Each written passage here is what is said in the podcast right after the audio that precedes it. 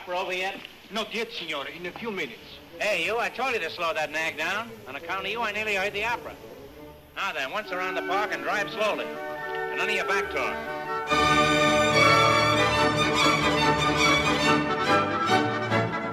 Welkom bij Potje Opera, de eerste Nederlandse podcast over opera en operetten. Uw podcastgastheren zijn Martijn Barnas en Piet van Everdink.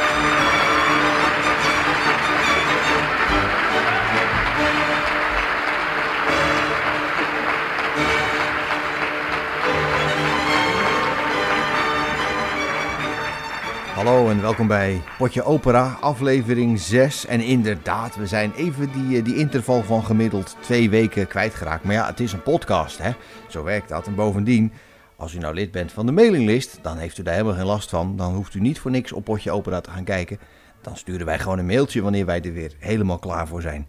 En dat zijn we nu. Eh, dit is Potje Opera 6 alweer. Met, eh, eh, u weet wel, die ene die zoveel van opera weet. En, en die andere die er continu tussendoor zit te zeuren over websites en zo. Hallo Piet. Hallo Martijn. Een themaloze aflevering. Dat wil zeggen, een vrije keuze voor jou, zeg maar. Zeker. En we gaan beginnen met een leuke, of een heel, eigenlijk een heel mooie aria uit een sprookjesopera. Een Tsjechische opera deze keer, Rusalka van Dvorak. We gaan luisteren naar de mooie maanaria die de waternimf Rusalka zingt. En daarin geeft zij te kennen dat zij graag een vrouw van vlees en bloed wil worden. Later in de opera gebeurt het dan ook en wordt ze verliefd op een prins. Maar helaas voor beiden loopt dat niet goed af.